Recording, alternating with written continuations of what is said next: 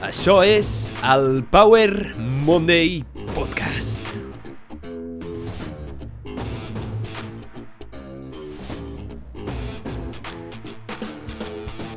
Benvinguts al Power Monday Podcast. Soc en Pau, el teu apassionat de salut, inspiració i ciència, i estic molt agraït de que estiguis escoltant aquest episodi. Prevenció. Prevenció. Anomenem aquesta paraula i la gent ja està immediatament avorrida. I és que la prevenció és tan poc atractiva que quasi ningú en parla, tot i que salva incomptables vides. I fent aquest episodi ho he pogut constatar. Aquest episodi no serà així, no serà avorrit, no serà no interessant, perquè en aquest episodi parlaré de la prevenció i és que tots hem sentit la frase alguna vegada de prevenir ets millor que curar. I la majoria de gent considera que això és cert. Però per què tot i això els éssers humans no prevenim? Per què els éssers humans inverteixen més temps i recursos en curar que prevenir? En aquest episodi intentarem respondre a aquestes preguntes i obrirem debats sobre si és millor prevenir que curar i si les nostres accions s'alineen amb aquests principis. Et presentaré dades, et parlaré sobre els tipus de prevenció i com la prevenció pot ser realment divertida, interessant, pot salvar la teva vida i salvar aquest planeta, aquest món. Com la prevenció és l'heroi que realment tots necessitem. Així que queda't fins al final de l'episodi perquè et diré tips basats en l'evidència i consells reals que et poden ajudar a utilitzar la prevenció com el teu nou millor aliat per viure la teva millor experiència vital. Però abans deixa'm fer-te un petit recordatori perquè aquest episodi no seria el mateix sense la teva col·laboració. I és que si t'agrada aquest contingut gratuït 100% en català, comparteix-lo amb alguna persona que creguis que se'n pot beneficiar i m'ajudaràs moltíssim a fer arribar més enllà la paraula i el missatge del Power Monday Podcast. Et recordo que em pots trobar a moltes plataformes on tenim-ho amb que em posis un m'agrada i un seguir, ja sigui Spotify, Google Podcast, Apple Podcast i totes les altres plataformes de podcast en les que estic. També em pots trobar a la xeta on pots donar suport a aquest contingut 100% gratuït en català on intenten promoure la inspiració i la informació basada en l'evidència i a Instagram Power Monday Show on em pots enviar preguntes, dubtes i fins i tot em pots, em pots comentar i afegir coses i reflexions i dir aquí t'has equivocat, aquí l'has cagat, no m'agrada això que dius, o dir-me que ho he fet genial. Qualsevol debat és benvingut, així que Power Monday Show a Instagram per discutir, parlar, debatre i fer créixer aquesta comunitat. Dit això, aquest episodi va sobre la prevenció, sobre si prevenir és millor que curar. Ens endinsarem en un món una mica complex però alhora apassionant que pot canviar la teva vida per sempre. Així que anem a veure tot això sobre la prevenció.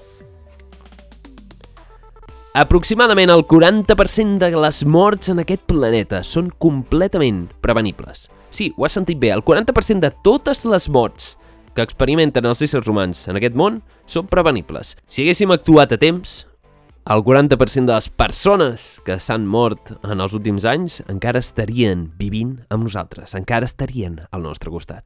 I aquest episodi parlaré de prevenció des de l'angle de la salut, que és amb el que jo m'he especialitzat, però que consti que això es pot extrapolar a molts altres nivells.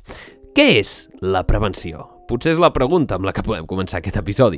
Un conjunt de mesures preses per evitar, contrarrestar o disminuir un risc per a la salut o el benestar d'una persona o per la salut o benestar de la població o per la salut i benestar empresarial. El cas és que prevenir sabem tots més o menys el que és. És com viatjar al passat i salvar-te tu mateix dels problemes que vindran, però el passat és el present, és a dir, sense viatjar en el temps. Prevens els problemes que passaran. Albert Einstein ens va dir una vegada, les persones intel·ligents solucionen els problemes, els genis els prevenen. Les persones intel·ligents solucionen problemes, els genis els prevenen. I és que el concepte d'actuar aviat per evitar el desastre no és nou. A mitjans del segle XIII ja hi havia una dita llatina que deia «És millor i més útil resoldre un problema a temps que buscar un remei després de fer el dany» que també va servir com a precursor per la frase més coneguda de Desiderius Erasmus l'any 1500 que més val prevenir que curar. No obstant això, encara avui en dia si surt un nou tractament llampant i fascinant, sempre ens cridarà més l'atenció que la nova política de prevenció de riscos laborals o de riscos a l'hora de la salut i la protecció per evitar problemes que vindran. Però abans d'entendre per què coi no és atractiva la prevenció pels éssers humans, veurem quins tipus de prevenció existeixen. I és que existeixen tres tipus de prevenció diferents. La primària o universal, la secundària i la terciària. Quines són i per què és important entendre això? És important entendre això perquè, tot i que faig servir indistintament a l'episodi prevenció, existeixen tipus diferents que els hem de matitzar. En primer lloc tenim la prevenció primària, que es centra en prevenir coses que no han passat encara. Això és com l'estil de vida saludable, prevenir problemes abans que passin, la prevenció de tota la vida. En segon lloc tenim la prevenció secundària. Aquesta es centra en detectar abans d'hora un problema que ja existeix, detectar-lo de manera avançada per poder actuar abans d'hora. Un clar exemple de la prevenció secundària és el cribatge, et vas a fer una prova mèdica, com una colonoscòpia, que intentarà detectar a temps inicis de tumor o inicis de problemes a nivell intestinal. I per últim tenim la prevenció terciària. Aquesta es tracta d'eliminar o moderar un problema que ja existeix, un problema que ja tenim, evitar que vagi a més. El clar exemple que tenim avui en dia és el canvi climàtic. És un problema que ja sabem que el tenim, i tot i saber que el tenim no sabem si hi ha una solució, però l'únic que podem fer ara mateix és prevenir que vagi a més. És actuar per prevenir que creixi aquest problema. Així que aquests són els tres tipus de prevenció. La primària universal, la secundària, que és fer un cribatge, i després tenim la terciària, que és intentar que un problema no vagi més. Per què la prevenció no és atractiva? Per què la prevenció és avorrida? Per què en els éssers humans sembla que no ens agrada prevenir i que no invertem més recursos en prevenir, tot i saber que prevenir és millor que curar? Si és que és així. Això es deu, potser, al viatge de la humanitat, la història dels herois i els resultats, que ara t'explicaré. Els éssers humans som éssers que devem el nostre domini del món, fonamentalment a la capacitat de comunicar-nos i creure en fets intersubjectius, en històries, llegendes, mites i constructes imaginaris subjectivament, com la religió, els diners o els països que ens uneixen, ens permeten col·laborar en grans grups i ens permeten relacionar-nos i creure en una cosa en comú. Els principis intersubjectius, que són aquests constructes, ens uneixen. De totes les històries, de tots aquests principis o fets, la més arraigada de totes és el viatge de l'heroi i els herois en general. Com una persona pot salvar a altres persones d'un problema que està passant. Avui en dia els occidentals ens encanten les pel·lícules de superherois i donem premis Nobels a la gent que soluciona els problemes. Els premiem per solucionar problemes i per salvar vides. Però, i els que prevenen problemes? Per què no tenen aquest reconeixement? Per què no es fan pel·lícules sobre un psicòleg que ha previngut que una persona es convertís en un billar? O en algun metge que recomanés un estil de vida saludable i prevenís 10.000 càncers? Per què això no es valora tant com la persona que extirpa el càncer, com la persona que tracta el càncer? Avui en dia es fan pel·lícules de gent que derrota els villans, de gent que salva les vides, que extirpa el tumor. Això ens encanta gent que soluciona problemes, no gent que els prevén. Objectivament, la persona que pot prevenir la mort de mil persones és més interessant que la que en salva 10, oi? Però això no és així. No és així en quant a temps i recursos que invertim en prevenir versus curar. Una cosa està clara.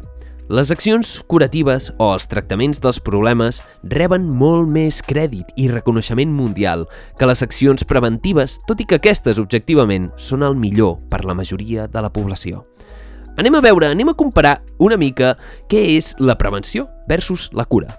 Perquè si comparem i diem que la prevenció és millor que la cura, anem a veure què descriu cada cosa. La prevenció, en primer lloc, és fàcil, té un cost negligible, eh, promou la vida saludable, una família feliç i no té resultats immediats. O almenys, la majoria de prevenció no té resultats immediats. En canvi, la cura és complexa, és cara, consumeix temps, hem de dedicar recursos, és estressant i té resultats immediats. Així que podem veure com el principal factor negatiu de la prevenció és que no té resultats immediats, perquè la majoria d'altres factors és que són positius, perquè és accessible, és barat, et promou el benefici a llarg termini i en canvi la cura és complexa, és cara, consumeix temps i no té resultats immediats. A part d'això, dins de la població actual, en les creences culturals que tenim ara, existeix una distinció addicional, i és que la prevenció normalment s'associa amb sacrifici i la cura normalment s'associa amb plaer. Això potser hi entrarem més en detall una mica més endavant. Però ara deixa'm parlar-te de resultats. Parlarem de resultats immediats versus resultats invisibles. I és que els resultats de la prevenció són invisibles. De fet, podem dir que quan prevenim amb èxit no passa res en absolut. No passa cap problema. En contra, la acció que es vincula amb la cura té resultats immediats, ja siguin bons o dolents, ens dona la sensació de que estem avançant i de que estem millorant, però veiem almenys resultats. D'alguna manera, la naturalesa humana tendeix a afavorir els problemes visibles que presenten una necessitat immediata, imperiosa, i on el progrés és tangible, on es pot mesurar objectivament a curt termini. I l'èxit pot ser molt menys evident quan el resultat desitjat és l'absència d'un problema visible. Quan el resultat de la prevenció és simplement l'absència de problemes, és molt difícil vincular les nostres accions amb aquest resultat, perquè pràcticament no tenim resultat. Dit així, potser costa molt d'entendre, però deixa'm que posi un exemple. Imaginem-nos que comences a prendre un suplement que pot disminuir el teu risc de morir, sigui quin sigui el suplement. Posem un suplement perquè és més senzill. Tu te'l prens, però no saps si aquell suplement està fent efecte. Encara que visquis més gràcies al suplement, no tindràs manera de saber-ho. Com podem saber que la prevenció és efectiva si jo m'estic prenent el suplement i estic vivint més? Com sabem que això es deu al suplement i no pas al meu estil de vida o simplement que tinc sort? Això ho podem saber quan comparem. Quan comparem poblacions o quan comparem tractaments. Si agaféssim un altre suplement que no té principi actiu, com un placebo, i el comparéssim durant un llarg temps, veuríem si realment vius més gràcies al suplement o simplement has viscut més per xiripa. Però per sort, tenim la ciència, les matemàtiques i el naixement de l'epidemiologia. La ciència que ens permet relacionar aquests resultats invisibles amb grans poblacions i veure com les nostres accions a llarg termini modulen els nostres resultats. L'epidemiologia ens permet agafar aquestes grans poblacions de sàpiens i comparar-los entre ells. Els podem comparar perquè són éssers humans, que tenen la mateixa biologia. I tot i que tots som únics a la nostra manera, quan agafem grans poblacions, aquest fet de ser únic es disminueix. Podem escapar, doncs, del fet de no saber què passarà si no actuem, tot i que mai podrem estar segurs. Podrem estar més certs, podem tenir més certesa en fer certes afirmacions. Ara mateix vivim en un moment de la societat en el que la prevenció no és atractiva, perquè, com et deia, és una lluita silenciosa sense feedback. Culturalment, ens agrada vèncer dimonis que apareixen a la vida, ser l'heroi que soluciona els problemes. I, a més a més, la prevenció no sempre funciona és més aviat una probabilitat i quan fa no tens manera de saber-ho a no ser que recorris a l'epidemiologia. No pots saber si estàs bé perquè has previngut les coses o ja hauries estat bé igualment si no haguessis pres cap mena d'acció per prevenir el que no ha passat. És un fet una mica estrany, però és com si el teu jo del futur viatgés enrere en el temps i et salvés. No podràs saber mai si t'han salvat de debò, perquè és bastant incert tot i que tenim les matemàtiques i l'epidemiologia que ens poden aportar visió al nostre futur com a ésser humà. Però els sàpiens som una mica estúpids i tendim a prendre les històries d'individus aïllats com a evidència i això no ens ajuda. La meva iaia va veure tota la vida i té 95 anys i viu bé. El meu avi fumava com un carretero i amb 80 anys encara està viu.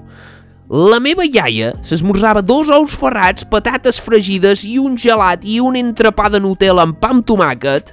Pa amb tomàquet és per fer-lo més català. I va viure 85 anys. Què me'n dius d'això?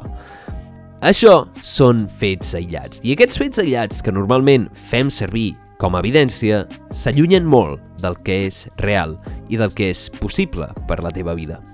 I és que aquests tres factors de risc, el tabac, menjar malament i beure alcohol, són els tres factors de risc modificables que més es vinculen amb la mort i la malaltia. En realitat, quan mirem les poblacions de la gent que fuma, beu i menja malament, veiem com la majoria d'aquesta mostra, la majoria d'aquesta població, viu menys i viu pitjor. és important repetir aquesta frase. La majoria de gent que té mals hàbits viu menys i viu pitjor. Viu menys perquè viu menys temps i viu pitjor perquè té més malalties, té més mortalitat i més mordivitat. Sempre hi ha excepcions, però quan veig aquests casos anecdòtics de persones que es comporten amb uns hàbits molt poc saludables i tot i així viuen un temps i una qualitat que està prou bé en aquesta experiència vital, no puc evitar-me fer-me la pregunta de i si haguessin seguit uns hàbits saludables? I si haguessin previngut els problemes que podien aparèixer? Tot i que no hagin aparegut, pot ser que optimitzar la seva salut, optimitzar la seva vida encara més, els hagués permès no viure 80, sinó 115 anys de millor qualitat. Realment, ens deixem portar per aquestes històries anecdòtiques per justificar els nostres mals hàbits. Però prevenir sembla que és avorrit, que és un problema i que sembla un sacrifici. Prevenir pot ser no atractiu a nivell biològic, i és que els éssers humans, al igual que la resta d'animals en aquest planeta, construïm les nostres accions en funció de cicles de recompensa. Cicles de recompensa que tenim integrats dins de la nostra neurologia, que es centren en dos senyals principalment – disminuir el dolor i augmentar el plaer. Aquest dolor pot ser físic, emocional, social, el que vulguis. El cas és que el nostre comportament es construeix quan una acció ens dona un feedback d'aquest tipus, un feedback de plaer o un feedback de dolor. I construïm mecanismes en funció de la resposta i dels resultats. Així construïm els nostres hàbits i els nostres comportaments. En la prevenció, les nostres accions no comporten un feedback instantani o a curt termini i el comportament no canvia perquè no té aquest feedback, perquè no vinculem les nostres accions amb els nostres resultats. Estem esbiaixats per construir hàbits en resposta a canvis a curt termini. No obstant això, els éssers humans, a part de biologia, tenim una part racional, molt menor de la que creiem, però tot i així tenim una capacitat de raonar i fer càlculs abstractes, que ens permet pensar a llarg termini i augmentar la nostra supervivència, tot i que a curt termini no sigui atractiu. Ens permet sacrificar el nostre benestar temporalment per viure més més endavant. Ens permet fer-nos favors al nostre jo futur. I també podem crear el nostre ambient i canviar el que signifiquen les coses per nosaltres. I és que res té sentit excepte el que tu li dones. I amb això et vinc a justificar que la prevenció no és atractiva perquè no li dones el sentit de que sigui atractiva. La prevenció pot ser divertida si canviem la nostra manera d'entendre-la. Si vinculem respostes a curt termini a accions que ens ajuden a viure millor a llarg termini, podem prevenir molts problemes. Podrem solucionar problemes que encara no han passat. Sovint pensem que mantenir un estil de vida preventiu és avorrit de collons, que viure sense risc no és estimulant, però les dades no es diuen el mateix. I ara et posaré tres exemples de com prevenir pot ser atractiu. Així que som-hi, anem a veure el primer exemple de com la prevenció pot ser èpica. Fer exercici físic. Fer exercici físic pot ser divertit, pot ser emocionalment intens, pot ser la teva passió de la teva vida i et pot prevenir la majoria de malalties al món. Exercici físic ha demostrat disminuir el risc de càncer i malalties no transmissibles, així com allargar-te l'esperança de vida. Si posessin tots els beneficis de l'exercici físic en un suplement, seria el suplement més vengut de la història de tros. I és que fer exercici físic pot ser divertit i alhora una bona manera de prevenir problemes a llarg termini. No només et fa viure més, sinó que et fa sentir millor. I això és el més important, perquè qui vol viure 150 anys de manera trista i avorrida i sense poder-te moure? L'exercici físic t'ajuda a viure més i millor. El segon punt, i probablement el fet modificable que et pot ajudar a viure més temps i millor de tots, el més important, és mantenir una dieta saludable. Mantenir una dieta saludable pot semblar avorrit, però alhora depèn de com canvis el teu enfocament. Quin és el teu enfocament a l'hora de menjar? Si veus menjar saludable com una cosa avorrida, pot ser avorrit, però hi ha gent que veu menjar saludable com una passió. I aquest és el meu cas. A mi menjar saludable em fa feliç he aconseguit reprogramar la meva ment o el meu enfocament cultural per veure que menjar saludable m'estimula d'una altra manera i em fa favors a llarg termini i això em satisfà a curt termini. Mantenir una dieta saludable pot ser divertit, pot ser apassionant i tot depèn de com cuinis, de com mengis, de què mengis i de trobar maneres que t'estimulin a curt termini per poder viure millor. En tercer i per últim tenim fumar, un hàbit completament tòxic, altament perjudicial, responsable de 7 milions de morts anuals i destrossa més vides que qualsevol altre hàbit en aquest planeta. I si us plau, si fumes, encara que sigui en festes, pren la decisió de deixar de fumar. Pren la decisió conscient de deixar aquest hàbit tòxic. Per què fumar pot ser... Deixar de fumar pot ser una manera de prevenir atractiva? Perquè deixar de fumar et pot fer sentir millor. I és que tots coneixem algun fumador que quan ha deixat de fumar ha començat a veure els beneficis de deixar de fumar. És un hàbit tòxic que et destrossa la teva qualitat de vida en el present. Per tant, prevenir també té resultats en el present. T'ajudarà a prevenir càncers a llarg termini i moltes altres malalties vinculades amb el tabac. Per exemple, el tabac és responsable de 8 de cada 10 càncers de pulmó, o 9 de cada 10 quasi bé, de 7 milions de morts anuals i està vinculat amb tots els càncers que s'han detectat en el món. El nombre de morts, lamentablement, segueix creixent, perquè ara les tabacaleres estan explotant els països en desenvolupament per vendre més i més tabac. Lamentablement, tot i que això sigui cert, la teva decisió és el que importa. La teva decisió pot canviar la teva vida en el present, pot millorar el teu rendiment físic, millorar el teu alè, la teva capacitat d'olorar noves olors, o antigues olors, el teu olfacte. I és que aquest canvi, aquesta prevenció, t'ajuda a treure un millor rendiment de la teva vida. Això em porta a parlar del següent. L'optimització de la teva salut sovint involucra una millora en la prevenció de riscos a llarg termini. I és que quan ens centrem en millorar la nostra salut avui en dia, també impactem a la nostra salut a llarg termini. Aquells que mantenen un estil de vida saludable no només viuen més anys i amb menys risc de morir de qualsevol malaltia, sinó que els anàlisis ens indiquen que tenen millor qualitat de vida i que senten millor. Òbviament no es pot estar obsessionat en viure més, prevenint els problemes, i la vida sempre tindrà riscos, hi haurà coses que són atractives. Però que aquest fet no t'enganyi, que hi ha riscos que pots escollir, riscos que són evitables i riscos que són innecessaris i que més impacten la teva salut en aquest moment. Optimització i prevenció junts poden arribar molt lluny, perquè depenen de la teva decisió. Aquests, com et deia, són fumar, beure alcohol i nutrició. Són un clar exemple de com uns hàbits que depenen de la teva decisió poden canviar la teva trajectòria i poden prevenir nous problemes. Les dues drogues que més maten, els segons factors de risc més importants per la teva salut que tindran un impacte molt gran si decideixes sàviament. Tot i això, encara tenim que el tabac és la droga més consumida del món i l'alcohol maten anualment 7 i 3 milions de persones i destrossen incontables vides. Tot i això, invertim més en la cura que en la prevenció de les malalties. De fet, la sanitat actual no probablement no s'hauria d'anomenar sistema de salut, sinó sistema de malaltia. I és que el que fem és curar, sobretot curar malalties, més que optimitzar la salut dels individus. Això és un tema molt important, tan important com la vida i la mort. Amb millor salut, la gent viu més, la gent viu millor i és més barat i és més productiu enfocar-nos en la prevenció que no pas en la cura. Sempre hi haurà riscos, però tu pots escollir quins riscos vols. I potser ara estiguis pensant, coi Pau, d'alguna cosa hem de morir.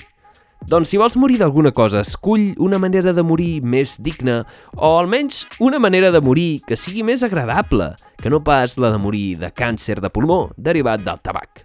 Perquè són morts realment desagradables i miserables. Si vols alguna manera de morir, si us plau, busca ajuda amb un psicòleg o amb un psiquiatre que t'ajudi a trobar una mica el sentit de la vida.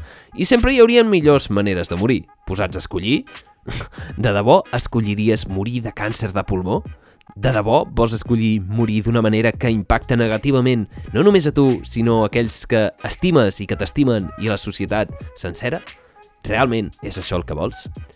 Aquestes són unes preguntes que potser t'hauries de fer tu i espero que no t'ho prenguis a nivell personal. I és que l'epidemiologia és una eina potent on podríem afegir moltes coses, molts factors de risc que ens serveixen per constatar científicament i empíricament el nostre coneixement de la biologia humana sumada amb el que observem a la població. No té per què passar-te tu, està clar, però la probabilitat és enorme. Així que, quines accions prens amb aquests tres hàbits, amb la nutrició, amb l'alcohol i el tabac? Pots començar ara mateix. Et perdràs la teva millor vida o t'arriscaràs a viure de manera miserable? La decisió és teva, és completament teva. En aquest món de llibertat de decisió pots decidir viure bé o viure malament. Però creu-me que l'experiència de viure bé, com bé saps, és molt millor que l'experiència de sentir-se malament. Llavors, hem vist en aquest episodi potser moltes coses diferents. La pregunta que tracta aquest episodi és és millor prevenir o curar? Potser aquesta pregunta té una resposta en la que no pensem. Les dues són completament necessàries. Sense la cura tampoc arribaríem al lloc. Necessitem herois, necessitem persones que solucionin els problemes que també tenim ara – però sobretot necessitem genis, genis, persones que identifiquin problemes potencials i que els prevenim tots a ser possible. El canvi climàtic és un clar exemple de problema que es podria haver previngut. Ara estem a la fase de prevenció terciària, com et deia. El canvi climàtic matarà moltes persones. De fet, el canvi climàtic, les onades de calor provocades al 2020 van causar més morts que el Covid al 2020. Les onades de calor que estem experimentant ara a Catalunya i també a la Índia, on els animals cauen morts dels arbres al carrer, eren prevenibles, eren completament evitables i això sembla que només pot anar a pitjor. Si no, fem alguna cosa per frenar-ho i, mentrestant, intentem buscar una manera per curar-ho, però la prevenció sempre serà millor que la cura. Perquè la cura sense prevenció és insostenible. Si hem de posar èmfasis en una cosa, en una de les dues, en prevenir o curar, la prevenció sempre guanyarà. La que salvarà més vides, més problemes i més malestar en aquest món serà, sense cap dubte, la prevenció. Sobretot crec que hem d'estar agraïts. Hem d'estar agraïts a la gent que dedica el seu temps a prevenir.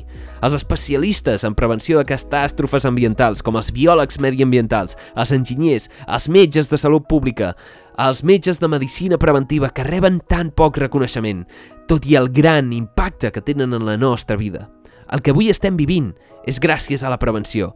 Gràcies a que algú va veure un error potencial, un problema potencial a llarg termini que es podia prevenir amb una petita acció. La prevenció és un superpoder. I si hi hagués un superheroi de prevenció, ningú en parlaria i ningú el reconeixeria, però salvaria moltíssimes vides. Per últim, no es pot parlar de prevenció sense parlar de vacunes. I és que és una de les grans revolucions mèdiques. Les vacunes són el clar exemple de prevenció universal. Ens permeten prevenir problemes, ens permeten protegir-nos del futur, protegir-nos de la probabilitat d'agafar i contraure una malaltia mortal o una malaltia que ens pot deixar seqüeles. Amb els teus hàbits, amb les teves decisions, et pots vacunar contra aquests problemes. Està clar que poden caure nous problemes. Està clar que no totes les vacunes funcionen, igual que no tots els hàbits et protegiran de tots els events potencialment negatius en la teva vida.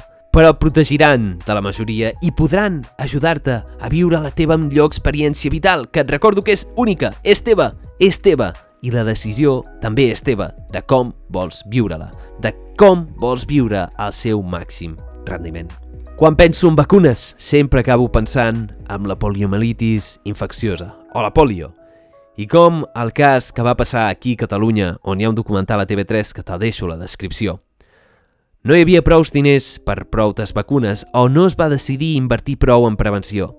I tenim avui encara gent vivint amb poliomielitis, amb les seqüeles d'una malaltia terrible que no té cura, d'una malaltia que es podria haver previngut i on la cura no és eficaç gent amb paràlisis, gent amb problemes de moviment a tot el cos. És un documental que crec que val la pena veure per entendre el gran potencial que tenen les vacunes i els actes preventius per prevenir grans dimonis. Ara mateix tens petits dimonis que estan estan ui, ui, ui, ui, ui, ui, ui, pululant per aquí, en els que pots actuar prevenint, matant-los quan són petits. Si no actues ara, pot ser que aquests dimonis es facin molt grans i després t'arrepenteixis de no haver actuat en el present. Dit això, no cal que visquis obsessionat amb la prevenció, que visquis una vida avorrida, tancat a casa, protegit de qualsevol mena de risc. Està clar que pots coordinar la prevenció, l'optimització personal i gaudir d'aquesta vida. Sempre hi haurà riscos. Moriràs. No se'n va d'aquest planeta, ningú se'n va en vida. Tothom qui viu morirà. Però és aquesta disciplina, basada en les teves conviccions, que et pot permetre vèncer la mandra d'actuar en el present i viure la millor vida basada en l'evidència científica que tenim actualment. Fins fa poc no sabíem fins i tot que el tabac causava càncer i les empreses tabacaleres intentaven amagar aquest fet. Però ara que ho sabem, tot i així seguim fumant i seguim determinant el nostre destí. Seguim comprant molts números de la loteria per tenir càncer de pulmó, per tenir aquests problemes. La prevenció és la nostra millor eina. No deixis que el problema comenci. Actua. I vull acabar aquest episodi d'una manera, amb la frase d'Albert Einstein. Les persones intel·ligents solucionen els problemes. Els genis els prevenen. Sigues un geni. Ei, moltíssimes gràcies per haver escoltat aquest episodi. Espero que t'hagi agradat molt o t'hagi aportat una mica de valor. Si us plau, si t'ha agradat, comparteix aquest episodi amb alguna persona que creguis que se'n pot beneficiar i ajudaràs moltíssim a fer arribar més enllà la paraula del Power Monday Podcast, on intentem promoure una mica d'inspiració i informació basada en l'evidència. Et recordo que em pots trobar a moltes plataformes, diferents plataformes de podcast on tenim-ho que em posis m'agrada i seguir. Google Podcast, Apple Podcast, Spotify, tots els podcasts que puguis pensar. Em pots trobar també a Instagram Power Monday Show, on em pots enviar missatges, on podem debatre, on podem discutir. És millor prevenir o és millor curar? Per què ens agrada tant curar i odiem tant prevenir? I per l'altra banda em pots trobar a la Xeta on pots donar suport, contingut 100% gratuït en català a la Xeta. I t'agrairia moltíssim que donessis aquest suport. Aquest episodi és probablement un dels episodis més importants que he fet fins ara.